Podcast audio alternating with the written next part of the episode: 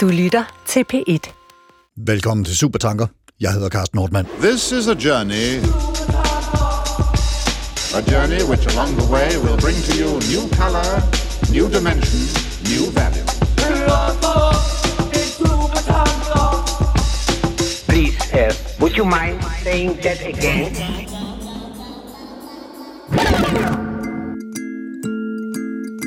Mennesker har bevidsthed, for det meste.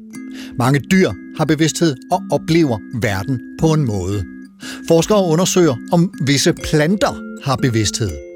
Nogle mener, at alt har bevidsthed på meget minimale og rudimentære plan, ja ja, men at alt oplever, at verden er på en måde.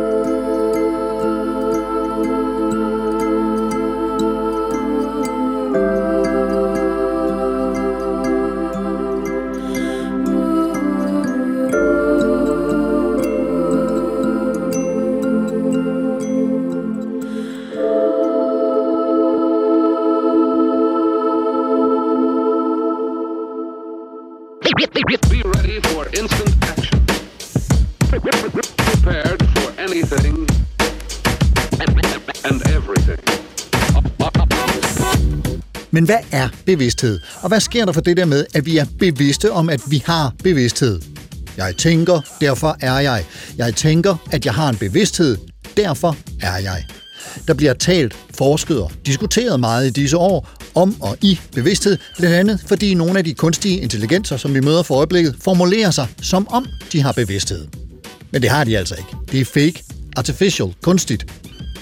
Men vi taler, forsker, diskuterer også, fordi vi i vores bestræbelser på at opføre os ordentligt over for kloden og klodens væsener, bliver mere og mere bevidste om, pardon the pun, at dyr vi opdrætter, slagter og spiser, for manges vedkommende oplever at leve ret miserable liv. At deres verden og liv er på en måde, som er langt fra rar. Men uanset hvor gode vi er ved at blive til at identificere bevidsthed og måske konstatere, om den er der eller ej, så ved vi ikke, hvor eller hvordan den opstår, og hvordan den måske manifesterer sig i andre. For altså, hvis der er bevidsthed, oplevelse af verden og livet, så er det ikke noget, et eller andet. Hvis der er bevidsthed, så er det jo faktisk nogen. Søren Overgaard, lektor i filosofi ved Center for Subjektivitetsforskning ved Københavns Universitet. Velkommen til dig. Tak skal du have.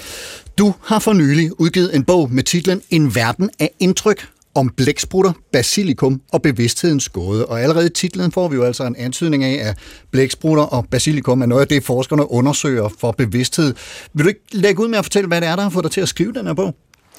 Jo, øhm, jeg har undervist i bevidsthedsfilosofi i, i mange år. Øhm, jeg har sådan set aldrig rigtig troet, at det var noget, man kunne koge en suppe på, som sådan ville være spiselig for, hvad skal vi sige, en bred skare af, af, af læsere. Det lykkedes meget godt, synes jeg. Øh, ja, tak skal du have. Øh, men øh, for, for efterhånden en del år siden, så... Øh, jeg var på sommerferie i, i Grækenland, og så var jeg ude at snorkle, og så blandt andet også en blæksprutte. øh, men det er en anden historie. Men så når jeg kom tilbage op igen øh, på, på tør, tør grund, så, øh, så læste jeg øh, Bill Brysons A Short History of Nearly Everything. Og jeg kan huske, at jeg sad der, det var på sådan nogle store sten, jeg sad der og læste den, og jeg skreg af grin, og jeg tænkte, i guder, kan man fortælle om, hvis man kan fortælle om naturvidenskabens historie på en sådan måde, at jeg sidder og skriger af grin og føler mig vanvittigt godt underholdt på en ferie, så må det også kunne lade sig gøre på en eller anden måde at skrive om bevidsthedsfilosofi, eller om bevidsthed i det hele taget øh, på en sådan måde, at, at folk kan blive underholdt. Så det var der, jeg, jeg fik ideen i hvert fald til at, at gøre det, og så tog det så lige nogle år at få Jamen, det er jo så også nogle år, øh, hvor, hvor, hvor der i mellemtiden er opstået alle de her øh, diskussioner om den kunstige intelligens. Vi havde den der øh, Google-tekniker, som blev sendt hjem, fordi han mente, ja. at, at deres chatbot øh, havde følelser, og, og for nylig havde vi en chatbot, der erklærede intervieweren sin kærlighed og bad ham om at forlade sin kone og den ja, slags ting. Ja, ja, præcis.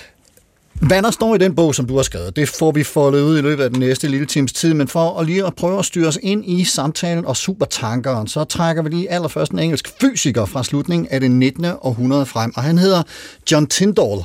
Og i 1871, der skrev han en bog, der hedder Fragments of Science for Unscientific People, altså fragmenter af videnskab for uvidenskabelige mennesker. Og i den står der blandt andet, bevidsthed og hjerneaktivitet optræder sammen, men vi ved ikke hvorfor.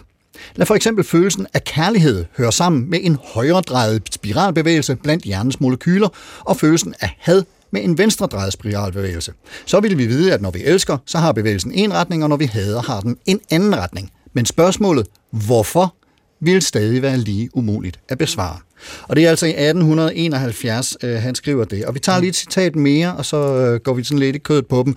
Fordi godt 100 år senere, øh, der fik vi en meget berømt artikel af den nulevende amerikanske filosof Thomas Nagel, som i 1974 publicerede en artikel, der hedder What is it like to be a bat? Hvordan er det at være flagermus? Og i den skriver han, det er bevidstheden, der gør det psykofysiske problem virkelig umedgørligt. Uden bevidstheden ville det psykofysiske problem være langt mindre interessant, men bevidstheden virker det helt håbløst. Den vigtigste og mest karakteristiske egenskab ved bevidste mentale fænomener er kun i meget ringe grad forstået. Det er jo det samme, som Tyndall siger, at vi ikke forstår, hvor det kommer fra. Og Nickel fortsætter, bevidsthed er et udbredt fænomen. Det forekommer på mange niveauer inden for dyreriget, en skønt vi ikke kan være sikre på, at det findes i de simplere organismer. Og selvom det er meget vanskeligt at slå fast, hvad der giver belæg for, at det findes. Citat slut. Allerførst, det her psykofysiske problem, som han taler om, Nægel, kan, kan du lige sådan lynhurtigt definere, hvad der ligger i det, øh, ja. som, som ja, ja. er besværligt gjort? Jo, altså øh, sådan helt kort fortalt, så er det, det er forholdet mellem det mentale, vores oplevelser, tanker, overbevisninger og, og så videre, så videre, perceptioner, og så, øh, og så hjernen, eller måske centralnervesystemet. Øh, så det fysiske, ikke? Det, er, det er hjernen og, og kroppen i det hele taget. Og, og den kan føle psyko- smerte og har sanser og den slags. Ja, det, det, det hører så til i det, i det psykiske Ja. i den her sammenhæng, fordi så er vi allerede ude i noget, der...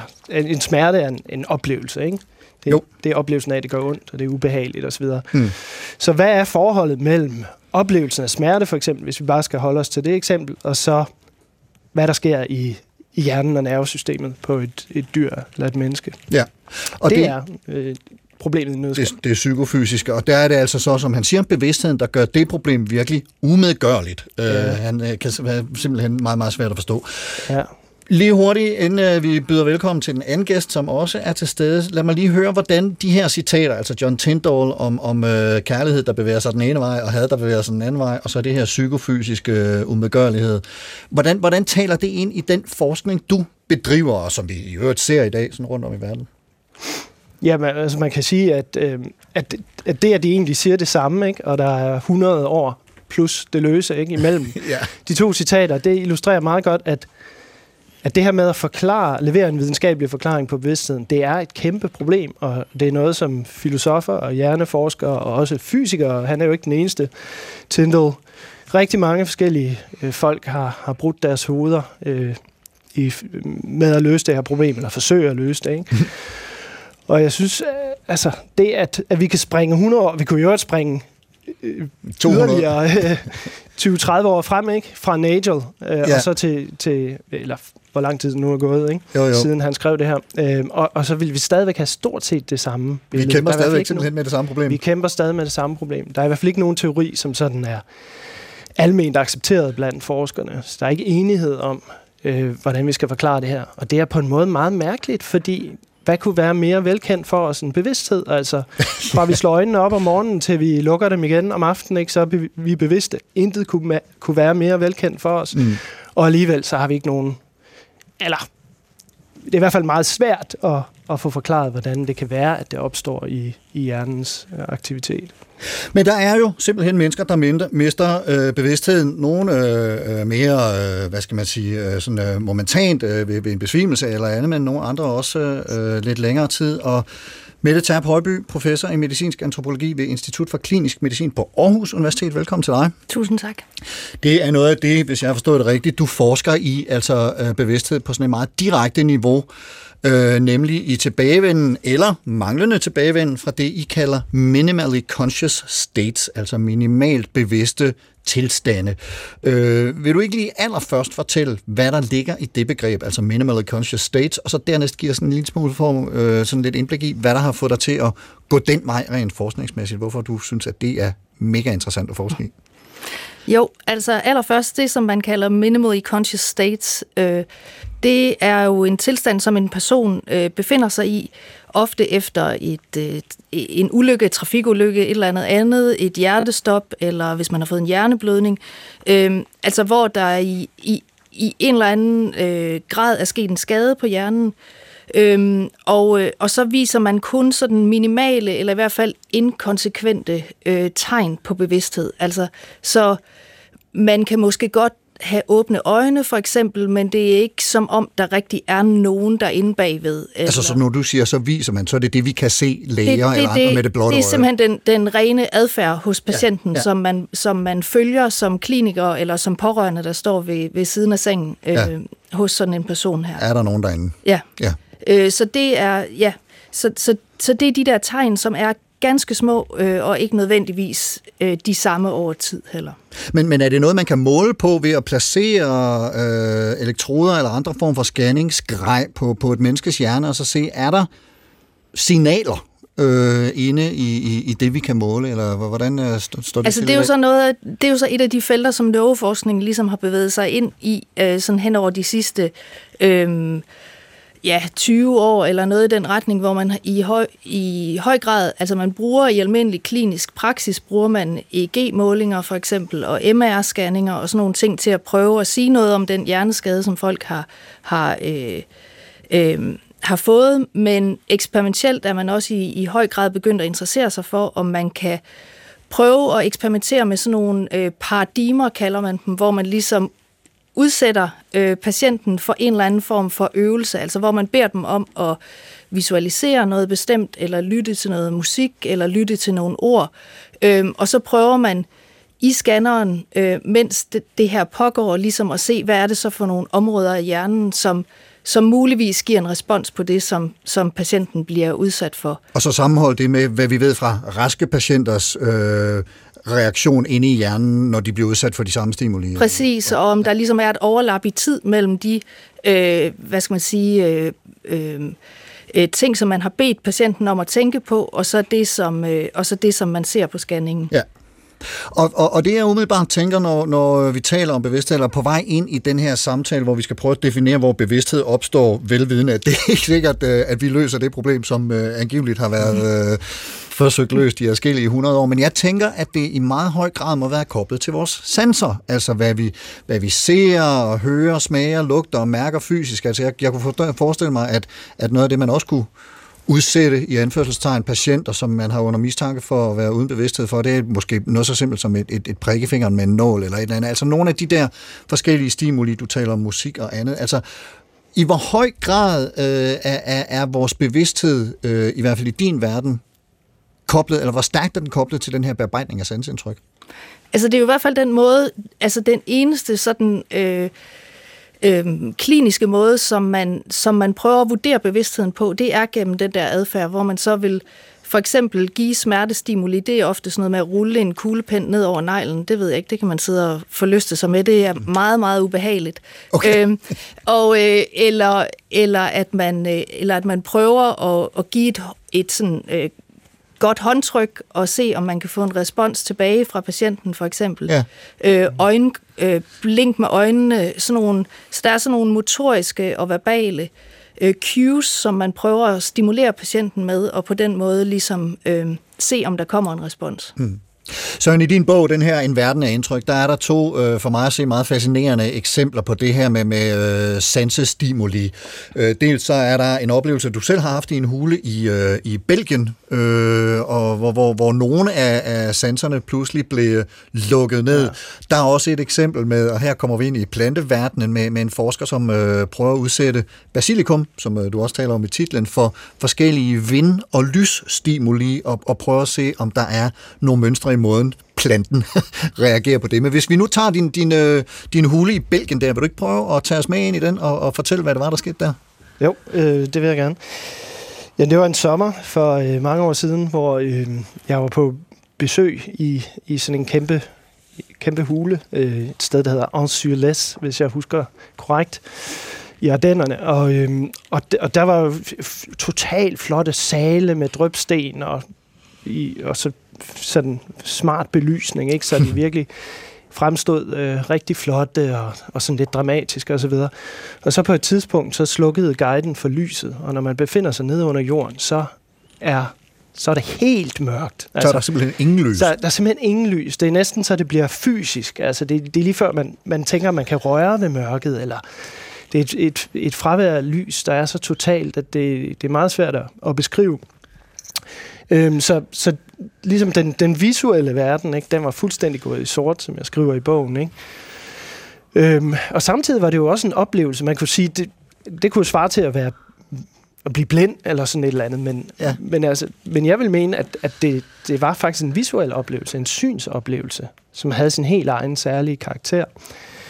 Øhm, på trods af, at man kunne sige, det, det var nærmest fraværet af, af men, men med hvilke tanker satte det i gang hos dig om, hvad, hvad, hvad din bevidsthed øh, registrerer, og, og selvfølgelig også noget om den kоб, dens kobling til sansen? Jeg forestiller mig måske, at, at høresansen blev lidt, forstærket lige i det øjeblik, eller det ved ja, jeg det hører man ja. i hvert fald. Men hvad, hvad, hvad sådan bevidsthedsteknisk øh, satte det i gang? Altså satte ikke noget rigtig i gang lige, lige der, vel? Udover at jeg virkelig håbede, at lyset snart ville blive tændt igen, fordi okay. øh, og, og sådan en, en, en intens følelse af frygt, ikke sandt? Hvad nu hvis han ikke tænder igen, eller hvis det er en fejl i det elektriske system, eller hvad ved ja, jeg? Vi kommer aldrig ud. Hold, og, ja, præcis, ja. ikke? Så det satte ikke rigtig noget i gang, før jeg, før jeg læste en øh, italiensk-amerikansk hjerneforsker, Giulio Tononi, som har skrevet en bog om, om bevidsthed, som bruger et tilsvarende eksempel med lys og mørke. Så kom, så kom den her oplevelse fra, fra Belgien tilbage til mig. Og så tænkte jeg, hov, jeg har da oplevet noget, der svarer til, til det, han taler om der. Og for lige at gribe tilbage til, til Thomas Nagel, så, så lige præcis den her oplevelse er vel netop kernen af det, han beskriver som det psykofysiske problem. Den her oplevelse af, at der er en del af vores fysik, øh, nemlig vores sensor, der pludselig bliver, bliver lukket ned, og så gør det noget ved vores psyke eller vores oplevelse af tanker eller øh, bevidsthed. Ja, altså jeg vil sige, at det hele er jo, helt, alt det jeg oplevede, inklusive oplevelsen af, at det her totale mørke, der næsten havde sådan helt, altså sådan en, taktil. en så tæt, ja, taktil karakter, ikke? Ligesom det var et stof, ligesom. Øhm, altså alt det der, og, og plus den frygt, jeg følte, og de tanker, jeg havde, åh oh, nej, nu håber jeg, at han snart tænder igen, og alt det der. Ja. Det hele er eksempler på det, Nigel taler om. Fordi øh, bevidsthed, sådan som han definerer det, og, og det er sådan, som man generelt i feltet, i hvert fald i, i filosofien og den del af hjerneforskningen, jeg har beskæftiget mig med, forstår bevidsthed, det er det her med, at noget opleves på en bestemt måde, eller føles på en bestemt måde. Ikke? Og, og alle, både mine tanker og min synsoplevelse og den her knugende frygt, jeg mærkede i brystet, og sådan, det har alle sammen den her kvalitative øh, karakter, som, som Nagel taler om. Så bestemt, jo, øh, der var hele, hele registret, han har sagt. Øh, bevidsthed kan selvfølgelig manifestere sig på, på alle mulige øh, måder, ikke? men der var i hvert fald øh, masser af, af bevidsthed der. Fremragende.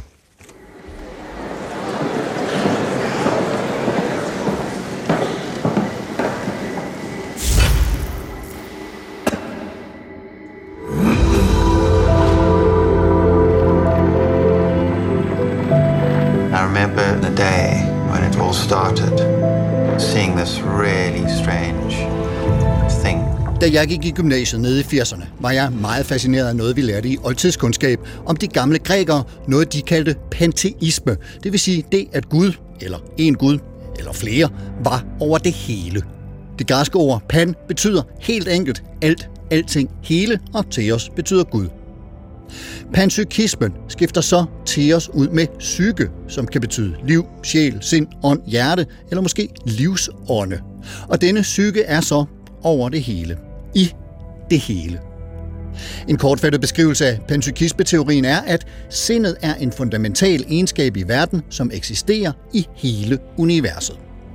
Faktisk er den tanke muligvis en af de ældste, vi kender, og vi kan finde den hos gamle filosofer som de antikke Thales og Platon, i renaissancen og oplysningstiden hos Spinoza og Leibniz, i nyere tid Alfred North Whitehead, Bertrand Russell og i dag i Galen Strawson, Philip Goff og Hedda Hasselmørk.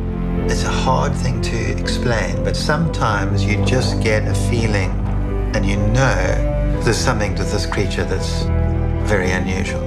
På Netflix kan man se dokumentarfilmen My Octopus Teacher om en sydafrikansk snorkeldykker, der møder og bliver venner med en blæksprutte. En smuk, bevægende historie, som på mange punkter bringer mindelser om William Whartons bog og senere også film Birdie. I bemeldte dokumentar er man ikke et øjeblik i tvivl om en endnu ret udviklet bevidsthed, altså at blæksprutten oplever at være, og også at være i forhold til vores menneskelige hovedperson. Og der er endda passager, hvor jeg fik oplevelsen af, at hele den tankskov og havbund, som filmen foregår i, også til sammen er en bevidsthed, en organisme af samhørighed og forbindelse. Og så er det jo altså også et koncept, der er blevet leget med og reflekteret over rigtig meget i fiktion. The Ents have not troubled about the wars of men and wizards for a very long time. I Tolkiens Ringenes Herre møder vi for eksempel enterne. Store, elgamle træer, hvis tidsperspektiv er så langsomt grænsende til stillestående, at de to hobitter, som møder dem, er tæt på at eksplodere af utålmodighed. Men altså træer, som tænker, taler og tager affære, når deres eksistensgrundlag er truet. Oak, chestnut ash, good, good, good. Many have come. Pandora, a world of wonder and mystery. From what scientists can tell, the Pandoran ecology works and communicates like a nervous system, suggesting a symbiotic relationship between all things Pandoran. I James Camerons film Avatar tilbeder navierne på planeten Pandora det store træ Awa, som også er en samlende og gennemgribende organisme, som alt på planeten er forbundet igennem, og i toeren The Way of Water er valerne og verdenshavet centrale aktører og allierede.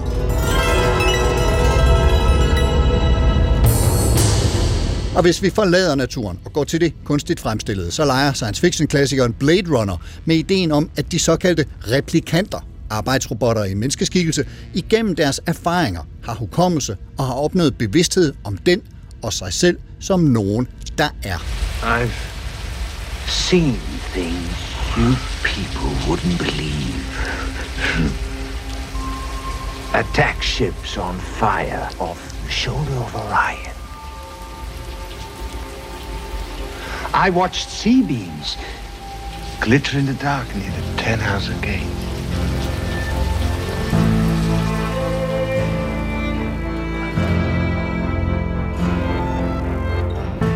Robotter og computere med bevidsthed er også væsentlige drivkræfter i film som Ex Machina og Hende, som man kan høre mere om i Supertanker-udsendelser om AI, metavers og singularitet. Og i såvel filmen som tv-serien Westworld med skuespilleren Anthony Hopkins i en afgørende rolle, udvikler robotterne, de såkaldte værter, erindringer og bevidsthed gennem gentagende ens oplevelser, hvor de i kraft af deres programmering agerer som mennesker. Måske tror, de er mennesker. I understand what I'm made of, how I'm coded, but I do not understand the things that I feel. Are they real? The things I experienced, my wife, the loss of my son. Every host needs a backstory, Bernard. You know that. The self is a kind of fiction for hosts and humans alike. It's a story we tell ourselves, and every story needs a beginning. Your imagined suffering makes you lifelike. Lifelike, but not alive. There is no threshold that makes us greater than the sum of our parts, no inflection point at which we become fully alive. We can't define consciousness because consciousness does not exist. Cogito ergo sum, sagde René Descartes i 1637. Jeg tænker, derfor er jeg. Hvad ville han have sagt til moderne ChatGPT her små 400 år senere?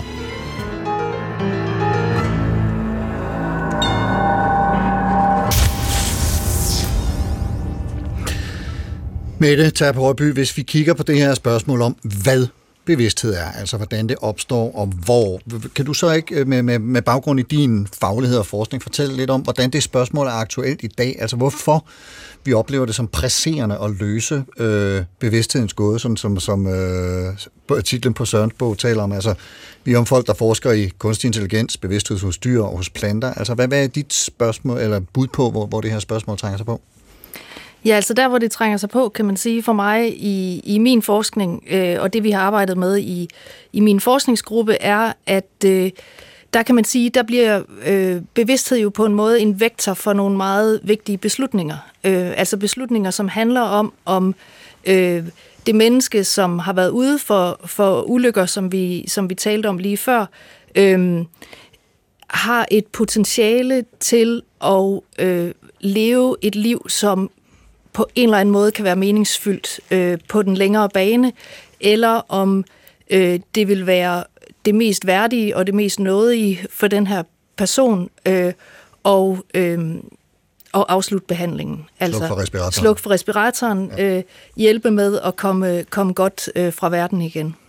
Men, men altså, øh, hvis I kan hvad skal man sige, detektere, øh, i mangel af bedre dansk ord, som jeg ikke lige kan komme i tanke om, at der er bevidsthed, så er der noget at arbejde med? Altså kan man, kan man trække folk tilbage? Øh, eller, altså, vi hører jo historier om folk, der vågner op lige pludselig, og nærmest som en anden Lazarus øh, rejser sig og går. Øh, hvordan, øh, har du nogle af de oplevelser med i... Øh Ja, altså, ja, altså jeg har ikke, øh, jeg har ikke øh, set de der øh, typer af, af opvågninger, og de er meget kontroversielle, kan man sige, også øh, diskuteret øh, øh, blandt andet i, i nogle forskningsgrupper i, i Cardiff for eksempel, hvor man arbejder meget med det her med, med hvordan bliver den her slags oplevelser øh, præsenteret i medielandskabet osv., øh, fordi at man, det, man er optaget af i klinikken, det er jo, hvordan man kategoriserer den her bevidsthed, så man ligesom kan prøve at guide sine beslutninger. Mm.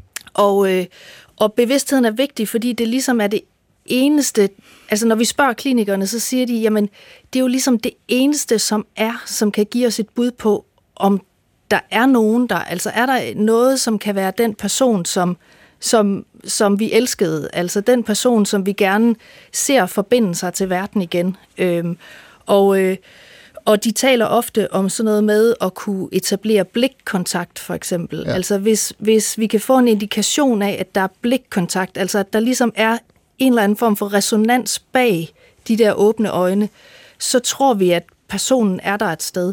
Øhm, og der er jo sådan nogle eksperimenter øh, inden for øh, neurovidenskaben og neurokirurgien nu, som blandt andet begynder at kigge i retning af, om man kan lave sådan noget deep brain stimulation, altså hvor man simpelthen indopererer elektroder i hjernen for på den måde og øh, ligesom at stimulere øh, vågenhed, øh, og så se, om den vågenhed også vil være med til at, at fremkalde øh, noget, som så vil blive blive øh, detekteret som bevidsthed. Øh, men ja. Men vi, men vi definerer også, at i det øjeblik, vi tænker, der er ikke bevidsthed, så er det ikke længere, om man så må sige, en person. Altså, der, det er selvfølgelig et menneske, der ligger der fysisk, men, men uden at det menneske har en bevidsthed, er der ikke noget liv i anførselstegn, eller hvordan? Jamen, det er, faktisk, det er faktisk meget, meget interessant, fordi at vi har aldrig i vores forskning set, at selvom at man ikke betragtede personen i sengen, eller mennesket i sengen som en person. På trods af, at man måske har stået og sagt, øh, den her, vi, vi tror, at det her er en patient, som er vegetativ, øh, minimalt bevidst. Vi tror ikke rigtigt på potentialet for øh, rehabilitering eller recovery, kan man sige. Men personalet og alle omkring øh, patienten gør enormt meget ud af, at det stadigvæk er en person. Så ja. måske vil man øh, for eksempel spille patientens øh, yndlings Spotify playliste, øh, som på en eller anden måde næsten resonerer med, med hjerteslaget i, øh, i monitoren ved siden af, eller med, med lyden fra respiratoren. Øh, og nogle gange som et forsøg på måske at se, om man kan kalde personen tilbage på en eller anden vis, eller bygge en bro, eller... Øh, og, og noget af det, som er meget interessant, et af de metaforer, som vi hører igen og igen, det er for eksempel, øh, at nogle gange er der sådan nogle øer af bevidsthed. Øer, altså, ja. Øer af bevidsthed. Så de ser ligesom øh, bevidstheden træde frem, altså at der var den der blikkontakt eller et eller andet, og så er den måske ude igen. Du, du bruger ordet vegetative patienter, og det øh, i, i, hvert fald i mine ører ligger snublende tæt på det, øh, vi samtidig refererer til som grøntsag, at en person har været ude for en, en, en ulykke, eller sit trafikuheld eller andet, der er så voldsom, at vedkommende er blevet til en grøntsag det er ikke præcis det, der ligger i det for jer. Vil du ikke prøve at, at, at lige hurtigt knytte nogle ord til, til hvad, der, hvad vegetative patienter er? Jo, altså det, som ligger i den her kliniske kategorisering af bevidsthed, som man laver, det er jo, at man kan være i koma, øh, og det er sådan, den, den sådan hierarkiske opdeling, som man så bruger af bevidsthed, der er vegetativ så ligesom det næste stadie. Og, der, og det er et ret, en ret kontroversiel term, og der er også forskningsgrupper, som gerne vil have, at man skiller sig af med, med det begreb og bruger andre begreber i stedet for. Det bliver øhm, smittet. Men, men noget af det, som fortalerne for at holde fast i vegetativ bevidsthed øh, siger, det er, at, at det jo netop er noget, som kan vokse. Altså at det netop er noget, som har et potentiale for at blive til mere. Øh, og det mere vil så være minimal bevidsthed, som vi talte om lige mm. før, og så, og så videre op til at være fuldt bevidst. Men, men når I så ser de her øer af bevidsthed, som du fortæller om, dukke frem og så måske tone ud igen, altså hvad er det så for en definition, om man så må sige, de møde, de, øh, de, de rammer, som gør, okay, der var, øj, der var lige en bevidsthedsø her, altså hvis vi tager John Tyndall ind, ikke, altså kærlighedssnor mm. snor venstre om, eller højre om, og hadsnor venstre om, er det, er, kan man se sådan nogle ting, eller er det det der det intuitive, jeg kan se i, i patientens øjne, der er nogen derinde, eller hvad, hvordan, øh, hvad, hvordan Ja, det vil jo i høj grad være det. Altså man har jo nogle bestemte kliniske redskaber, nogle, øh, nogle skalaer, som man bruger til ligesom at vurdere de her bevidsthedsniveauer. Øh, men noget af det, som vi argumenterer for i, i min forskning, er øh, faktisk netop, at der ligger et, et meget relationelt og socialt felt i det der med, hvad det er, der så bliver bevidsthed, og hvad det er, man kommer til at vurdere som et tegn på, mm. på bevidsthed i klinikken. Og hvordan ser det ud i din verden, Søren? Altså nu ved jeg ikke, hvor meget du har, har stået sammen med, med patienter, eller dem øh, Mette beskriver her, eller, eller andre fænomener, som vi tilskriver eller ikke tilskriver bevidsthed. Altså hvis du skal definere bevidsthed, øh, eller, eller sådan jeg lige bad med om med de der ører, hvordan, mm. hvordan vil du så øh, ja, ja. beskrive det? Altså nu har jeg slet ingen klinisk øh, erfaring, Ej, okay. så jeg ved ingen... Jeg har slet ingen hands-on øh, Så lad os tage blæksprutten og basilikummen. Men øh, altså, det er sådan set nemt nok at, at definere bevidsthed, fordi lige så snart vi har et, et perspektiv, hvorfra der opleves, ikke? lige snart vi har en oplevelse, det her subjektiv, så har vi bevidsthed. Så, så det er nemt nok. Det svære, tror jeg, det er at finde ud af, hvor findes det, ikke sandt? Har, har fluen, er, er en flue bevidst, ikke? Er en sølvfisk bevidst? Hvornår er en, en patient, der, der til, til synligheden slet ikke responderer på noget som helst bevidst? Og så videre. Det, det er der, der kan opstå problemer. Så definitionen er sådan set nem nok, men, men det kan være svært at afgøre i konkrete tilfælde, hvor bevidstheden hører op, eller hvor den begynder. Altså man kan sige, fluen, den, den ser jo fluesmækkeren nærme sig øh, med sin meget, meget finfølende ja. synssens, og skynder sig væk for at undgå at blive ramt af den. Det er vel en oplevelse af verden, som, ja, som vi skal høre lidt mere om for om et øjeblik. Nagel beskriver det. Ja, måske, ja. Øh, det, ja. Altså, jeg vil være tilbøjelig til at, at mene, du har ret. Ja. Øh, men, men man kan sige, jeg har en robotstøvsuger derhjemme. Den registrerer jo også sine omgivelser og styrer udenom øh, stole og, og så videre. Og der, er der, der er sådan en lille... Man kan, jeg har sådan en app, så er der sådan en lille kort, så kan man se, hvor den er kørt hen og sådan noget. Hvis den nærmer sig nogle sko, ikke, så kommer der sådan en lille sko-ikon. Så er den registreret det, ikke? Er den bevidst? Ja, ja, så der er et eller andet med at registrere omgivelserne, og er, er det tilstrækkeligt til at være, være bevidst? Men, men altså, jeg er tilbøjelig til at være enig med dig. Øh, fluen har en, ja, en minimal ja. grad af bevidsthed. Ja. Du, du har sådan et ret sjovt eksempel i din bog, som handler om fotoceller på, på øh, toiletter, altså ved de her urinaler, og hvis man bryder en, en, en lysstråle, så begynder der at skylle vand ud i, øh, i, i toiletkummen. Og det bruger du også til at sige, om der er altså, noget til stede eller ikke til stede, og, og, og er den her fotocelle eller ja. vandhænden, som, som åbner og lukker for vandet, er den så bevidst? Ja. Ja. Kan, kan du ikke lige prøve at, at, at, at bruge det eksempel nu, bare selvfølgelig robotstøvsugeren? Jo, men... altså, øh, det, det der med øh, urinalet der, det, det tror jeg var din tilføjelse. Jeg, jeg tror, jeg skriver sådan en, en, en, der får en klokke til at ringe i en butik, når man åbner døren. Altså, okay, det, godt det, bare det skal ikke skille os ad. øhm, det er faktisk et eksempel, jeg har fra øh, øh, Giulio Tononi, den her øh, italiensk-amerikanske hjerneforsker, jeg nævnte før. Ja, ja. Så han har det her eksempel med en, en, en fotocelle, ikke, som, som kan registrere, om, om det er mørkt, ligesom det var i hulen der i Belgien ikke, for mig, eller om det er, om det er lyst. Ikke? Øh, ja. og, og sådan noget. Og, og spørgsmålet er, er der, er der en form for minimal bevidsthed der? Og Tononis svar vil være, ja, en utrolig, utrolig minimal, mikroskopisk grad af bevidsthed, fordi der er en, en form for registrering af noget fra et perspektiv. Øhm, Og det, det, er sådan, det, det kan hurtigt blive lidt teknisk, øh, ja. hvordan han, øh, hvad hans teori om, om bevidsthed går ud på. Men, øh, men, men han, vil, han vil mene, at, at allerede der kan vi finde en eller anden mikroskopisk grad af bevidsthed. Og jeg vil sige, altså, ud fra den forståelse, ikke sandt, så, så, så er det jo klart, at fluer og, og sølvfisk også må have en eller anden grad af bevidsthed, som sandsynligvis er noget mere noget større, end, øh, end hvad vi finder hos øh, sådan en lille fotocell, der får en klokke til at sige ding, og åbner døren, ikke? Jo.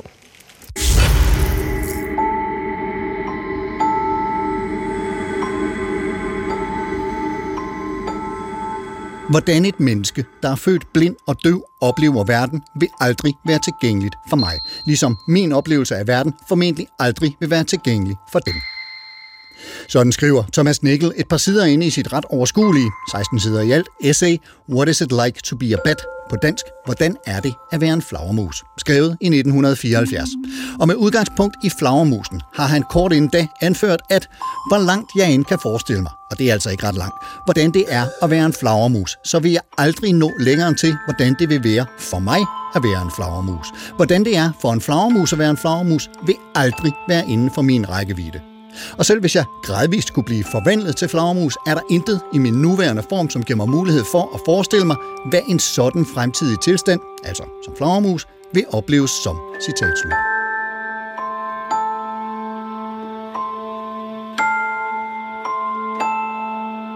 Opleves som. Hvis nogens tanker bliver lidt hen mod Immanuel Kants, der Ding an sich over for Ding für uns, altså tingen i sig selv, eller tingen, som den tager sig ud for os, som er nok ikke helt på vildspor.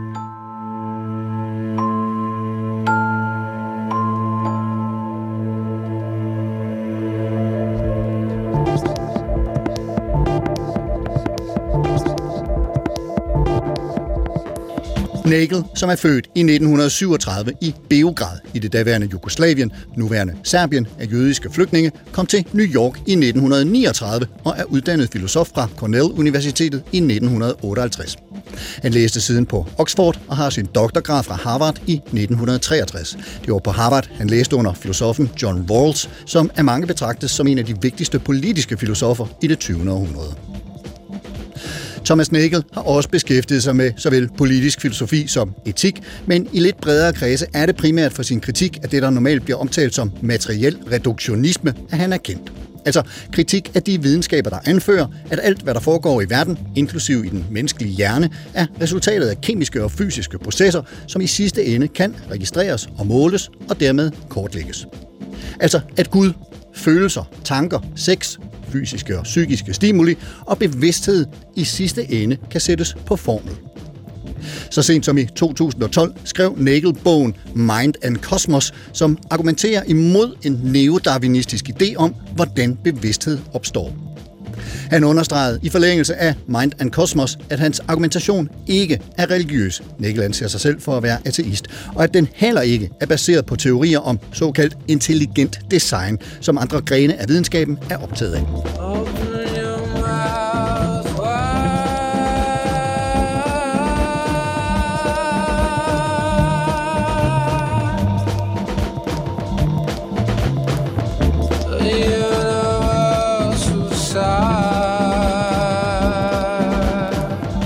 Thomas Nagels Hvordan er det at være en flagermus optrådte oprindeligt i tidsskriftet The Philosophical Review fra Cornell og Duke Universiteterne og er siden blevet genoptrykt i adskillige udgivelser, blandt andet The Mind's Eye, Sindets Jeg, og man ikke der også er et lille ordspil på øje, sindets øje, i titlen. En antologi om selvet, redigeret af filosoferne Douglas Hofstadter og Daniel Dennett, og med tekster af notabiliteter som forfatteren Jorge Luis Borges, matematikeren Alan Turing, biologen Richard Dawkins og altså Nagel.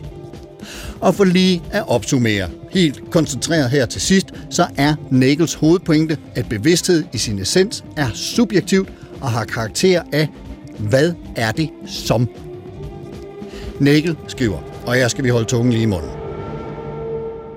En organisme har bevidste mentale tilstande, hvis og kun hvis der er noget, det er som at være den organisme. Hvordan er det at være flagermus? Hvad er det som at være flagermus?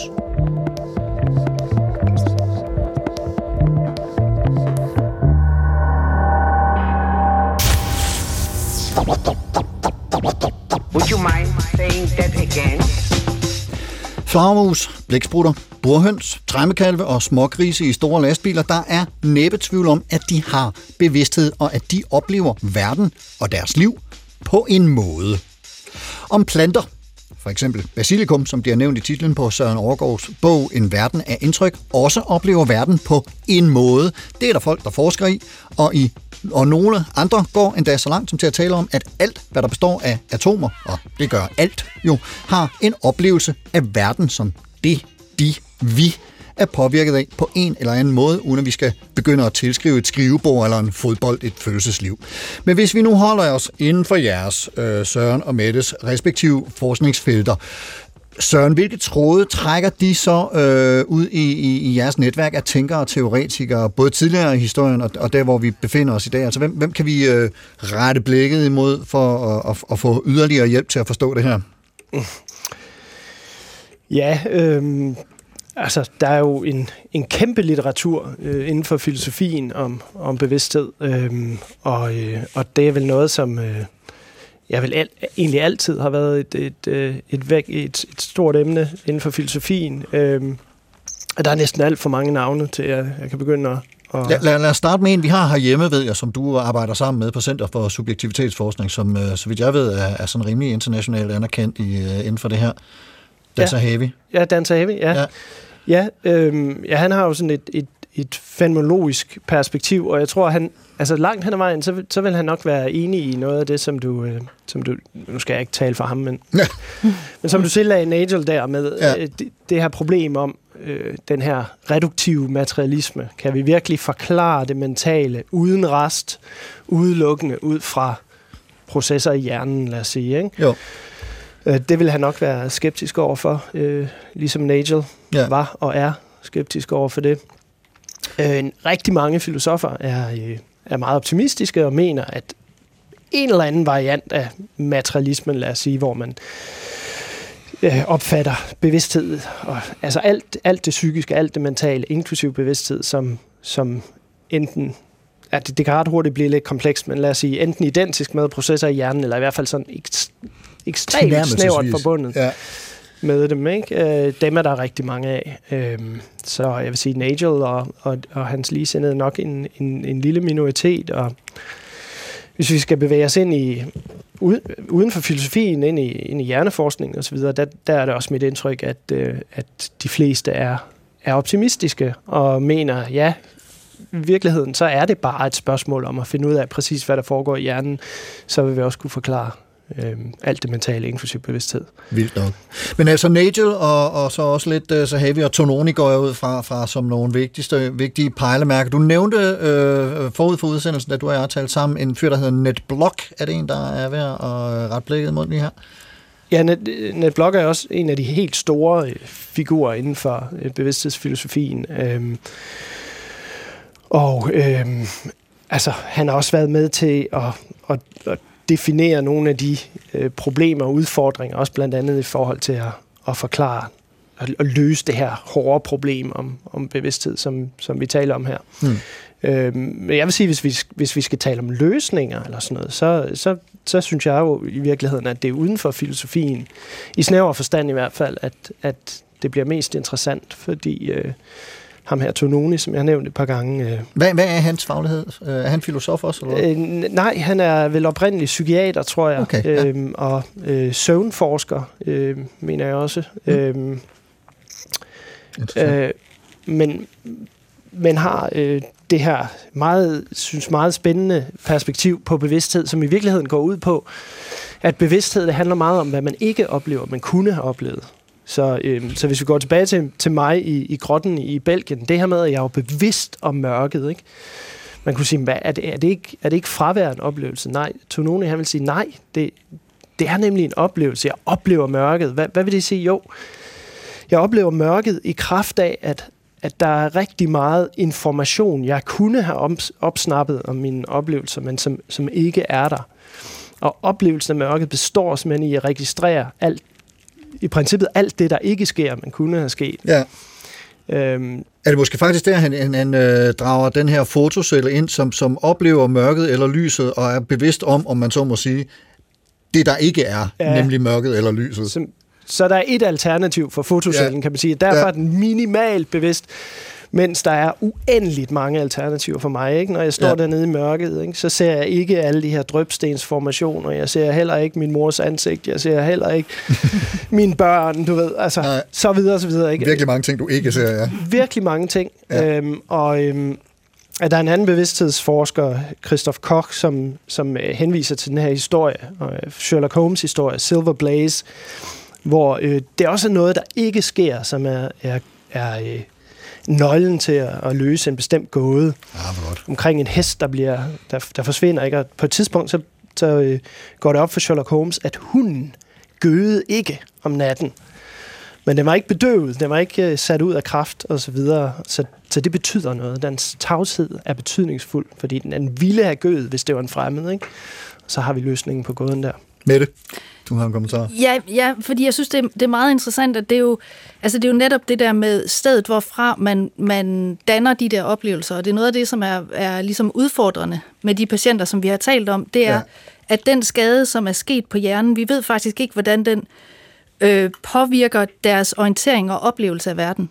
Så, så når vi ligesom skal se på de adfærdsmæssige tegn, som de kommer med i klinikken, så kan vi kun tolke dem ud fra vores egen oplevelse af verden, hvor vi ved faktisk ikke, hvad det er, der sker derinde bagved, om, om der er en helt anden type af, af bevidstheds, øh, bevidsthed og oplevelse på spil der, som vi, som vi simpelthen ikke har en, en mulighed for at, at forstå dimensionerne af. Altså jævnfør Thomas Nichols, jeg ville aldrig kunne sætte mig ind i, hvordan en blind oplever livet, eller hvordan en flagermus Ja, oplever livet. ja, ja. ja. Når du øh, skal gå i øh, dialog med nogen sådan rent forskningsmæssigt øh, med det, i, i dine refleksioner over bevidsthedens gåde, hvem, hvem øh, vender du sig så imod? Jamen noget af det, som vi har været øh, meget inspireret af, øh, har været, øh, fordi at noget af det, som vi, som vi er, synes er udfordrende i det kliniske, det er faktisk den der hierarkiske opdeling af bevidstheden. Øhm, så, så noget af det, vi har, har kigget ind i, har også været i filosofien, øh, hvor Bain og Hovey og, øh, og Owen har en tekst, hvor de prøver at foreslå sådan en ny taksonomi for øh, de her patienter, der har øh, øh, bevidsthedsudfordringer. Øh, udfordringer. Og Hovi er dansker, har jeg lige Hovi er øh, dansker, vide. ja. Øhm, og, øh, og ellers er de øh, spredt over det australske og kanadiske kontinent. Øhm, men øhm, men de, øh, de kigger på, altså de prøver at, at sige, kan vi lave en taksonomi, hvor vi, hvor vi øh, ligesom kigger på dimensionerne i bevidsthed. Altså anerkender, lige hurtigt taksonomi, skal vi lige, det er ikke sikkert, altså med ligesom på, øh, opdelingen. Niveaudelingen. Niveaudelingen, ja. ja. Øhm, kan, vi, kan vi prøve at... Øh, øh, kan vi prøve at anerkende, at, at man kan have forskellige dimensioner øh, af bevidsthed, der udtrykkes på samme tid, uden at det nødvendigvis er et udtryk for, at man er enten vegetativ eller minimalt bevidst, men at mere kan være til stede. Og det er der, hvor vi så også har været inspireret af, af blandt andet en, øh, en hollandsk øh, forsker, som, hedder Anne-Marie Mold, som er meget optaget af, at man gør ting. Øh, og noget af det, som vi har set i vores forskning i klinikken, har jo været, at man faktisk også rundt om patienten er med til at gøre, hvad det er, der bliver til tegn på bevidsthed, når man kalder noget bestemt frem med et, et, et ønske om at få et håndtryk, eller et blik, eller, øh, eller det lige, hvad er det så, der kommer til at, at vægte som et, et tegn på bevidsthed. Så altså omgivelsernes aktivering af de her sansestimuli, som vi talte om øh, fra starten, at, at der faktisk, at, at vi på den måde kalder noget frem. Ja, de bliver jo en væsentlig del af, kan man sige, der bliver sådan en, en relationel øh, øh, omsætning af de her tegn, og en måde, hvorpå øh, vi prøver ligesom at, at vurdere, at det er bevidsthed eller ikke bevidsthed, der var, der var udtrykt i det blink, eller hvad det nu måtte være. Øh, Og det får mig til at tænke på, altså øh, Søren, hvis, hvis nu øh, lyset i den der grotte ikke var blevet tændt, og, og I ligesom øh, kom til at hænge ud dernede øh, i, lad os kalde det en eller anden form for, øh, øh, hvad hedder det, hypotetisk øh, evig mm. tilstand. Hvilken effekt ville det så have på bevidstheden? Har du et bud på det? Altså, vil, vil, der, vil den så begynde at ændre sig i takt med, at sansestimuli øh, mm. var nogen andre end, øh, end førhen? Altså, det, er øh, det er jo virkelig meget noget, hypotetisk. jeg er ekspert i. Men altså, jeg kunne forestille mig, at, øh, at altså, over tid, ikke, at de dele af hjernen, der ellers behandler synsindtryk, måske kunne begynde at få et andet job. Og måske kan jeg blive god til at knipse og, og høre øh, ekkoet, der kommer tilbage og finde ud af, om jeg var i en lille gang eller en stor sal, og, og om der var forhindringer og sådan noget. Øh, man, taler jo nogle gange om, at hjernen er, er plastisk, ikke? Og, og at der er dele af hjernen, som normalt har en eller anden bestemt opgave, men som kan trænes op til at, at varetage andre opgaver. Så jeg kunne forestille mig, at sådan noget skete, men altså, jeg synes, det er noget frygteligt noget at tænke over. Lyset var blevet tændt dernede. Ja, skrækkeligt. Ja. チップチップチップチップチップ。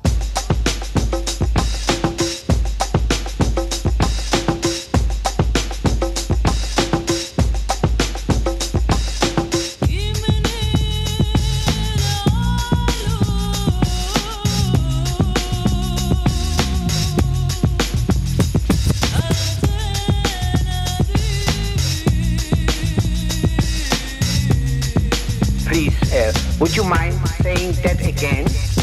Thinking of a master plan.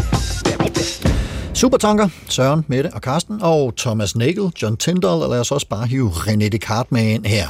Vi taler om det her med at opleve verden på en måde, og føle den, have en intuition måske, tilskrive verden og vores væren i den egenskaber og værdier. Og Mette og Søren, øh, jeg synes måske, det er interessant her øh, at, at, at prøve at tage, hvad skal man sige, pulsen på, på øh, vores viden i dag om, om bevidsthed, og, og, og stille spørgsmål om denne her bevidsthedsgåde er en nød, vi nogensinde kommer til at knække, eller om det er sådan en af dem, vi kan nærme os lidt ligesom cirklens kvadratur, og så komme tættere og tættere på, men aldrig helt få greb om eller fatte. Har, har, har du et bud på det med det? Finder vi løsningen? Altså, jeg er nok, øh, jeg er nok mere skeptisk på, om vi, øh, om vi finder løsningen, men Ja. jeg tror måske, vi bliver klogere på, øh, hvad, hvad det er, øh, hvad det er for nogle typer af, af udtryk, øh, som vi også, øh, hvad skal man sige, værdsætter som bevidsthed. Fordi jeg, jeg tænker også, at der er også en, der er også en værdisætning på en eller anden måde i, øh, som, som bevidstheden bliver en konsekvens af, i hvert fald, som, som filtrer sig tæt ind i, øh, hvordan vi faktisk tænker om bevidsthed. Men, men er, er, det et, øh, er det en nød, du godt kunne tænke dig at knække? Ville det være simpelthen så fedt, hvis du tænker, der var den, det er her bevidstheden opstår, og nu kan vi sige, at alle de der kunstige intelligenser, de har ikke noget at komme med, fordi det er, øh, de er intelligente, men de er ikke bevidste, og de kan fise af, kan de, fordi nu ved vi, hvad det er, der skaber bevidstheden hos mennesker og dyr, og altså organismer. Der er jo mange ting, der er nemmere, hvis man kan give et fuldstændig klart svar på den. øh, så, så det ville da også være ekstremt øh, behendigt for os alle sammen, hvis vi klart kunne svare på, hvad bevidsthed er. Øh, men jeg synes, at usikkerheden omkring bevidsthed kalder på, at vi tager en, altså, at vi hele tiden holder os selv fast på at tage øh, nogle overvejelser og nogle drøftelser om, hvilke konsekvenser det har, om der er bevidsthed eller ikke bevidsthed til stede. Og hvad det gør for ved vores menneskelighed. Hvad, hvad, hvad siger du, Søren? Øh, Er, er det en nød, vi kommer til at knække, tror du? Det er jo ja, det er svært at spå, Ja, det er især det om fremtiden og alt det der. Ja, ja, præcis. Øhm, det ved jeg ikke. Jeg, jeg, jeg synes, der er tegn på, at, at vi, vi nærmer os i hvert fald. Øhm, men ja, man kunne også spørge, ikke sandt, finder fysikerne nogensinde den der teori, der forener kvantemekanikken og relativitetsteorien og alt det der. Altså, det er Tidens utrolig begyndelse og svært. Big Bang og det der, ja. Det er utroligt svært at svare på den slags spørgsmål. Ja. Ja. Men det kunne, jeg vil så til gengæld sige, det kunne være rigtig fedt at få svaret, fordi der er rigtig mange ting, der afhænger af, øh, at vi ved, om, om et eller andet, eller en eller anden er bevidst eller ej. Og Blandt andet alle de der Mm. ting, som, som Mette arbejder med i det daglige, men også sådan noget som hvis... Det er jo langt ude ikke at tænke, at planter kunne være bevidste, men hvis de kan, ikke? hvad kan de så føle, og kan de lide under vores behandling af dem og sådan noget? Det er jo ret, det vil være ret vigtigt, hvis vi kan få svar på, på nogle af de spørgsmål. Men jeg tænker også, hvis, hvis vi finder svar, så vil vi også ramme et øh, paradigmeskifte, der er så voldsomt, at vi kan blive tvunget til at omtænke, hvad det er at være menneske. Ja, måske også. Ja. Vi- Jeg vil i hvert fald sige, at, at vi, kan, vi kan få en hel række af, af nye problemstillinger, som, øh, ja. som øh, vi er nødt til Som at forholde så- os til. Ja, ja. Og det var simpelthen de supertanker, vi nåede i dag. Superbevidsthed, øh, som vi tre her i studiet var i stand til at, at øh, beskrive den.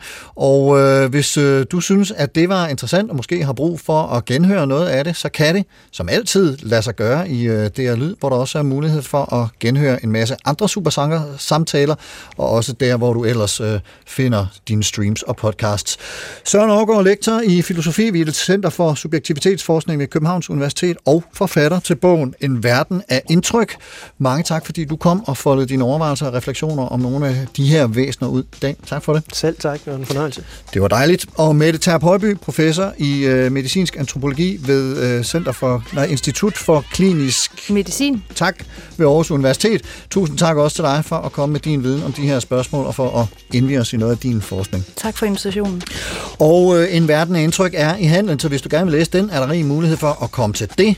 Der bliver også lagt nogle anbefalinger til anden læsning og sening og lytning øh, ud på Facebook-siden Carsten Nordmann Radio og på Instagram og LinkedIn under Carsten Nordmann. Og det er selvfølgelig anbefalinger fra Søren og Mette og fra mig selv. Og så er det som sædvanligt suppleret af en opregning af den musik, der var med i programmet i dag. Ris, ros og idéer er velkomne, både på de der sociale medier og på mailen supertanker Programmet i dag var tilrettelagt af mig ved fuld bevidsthed, håber jeg. Jeg hedder Carsten Nordmann. Ha' en rigtig god uge og på genhør.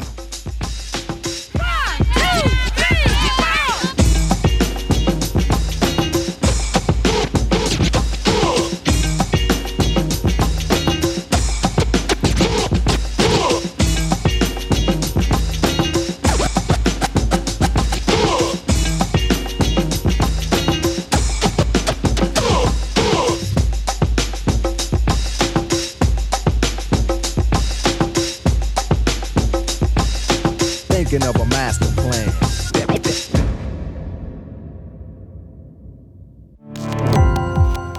Gå på opdagelse i alle DR's podcast og radioprogrammer. I appen DR Lyd.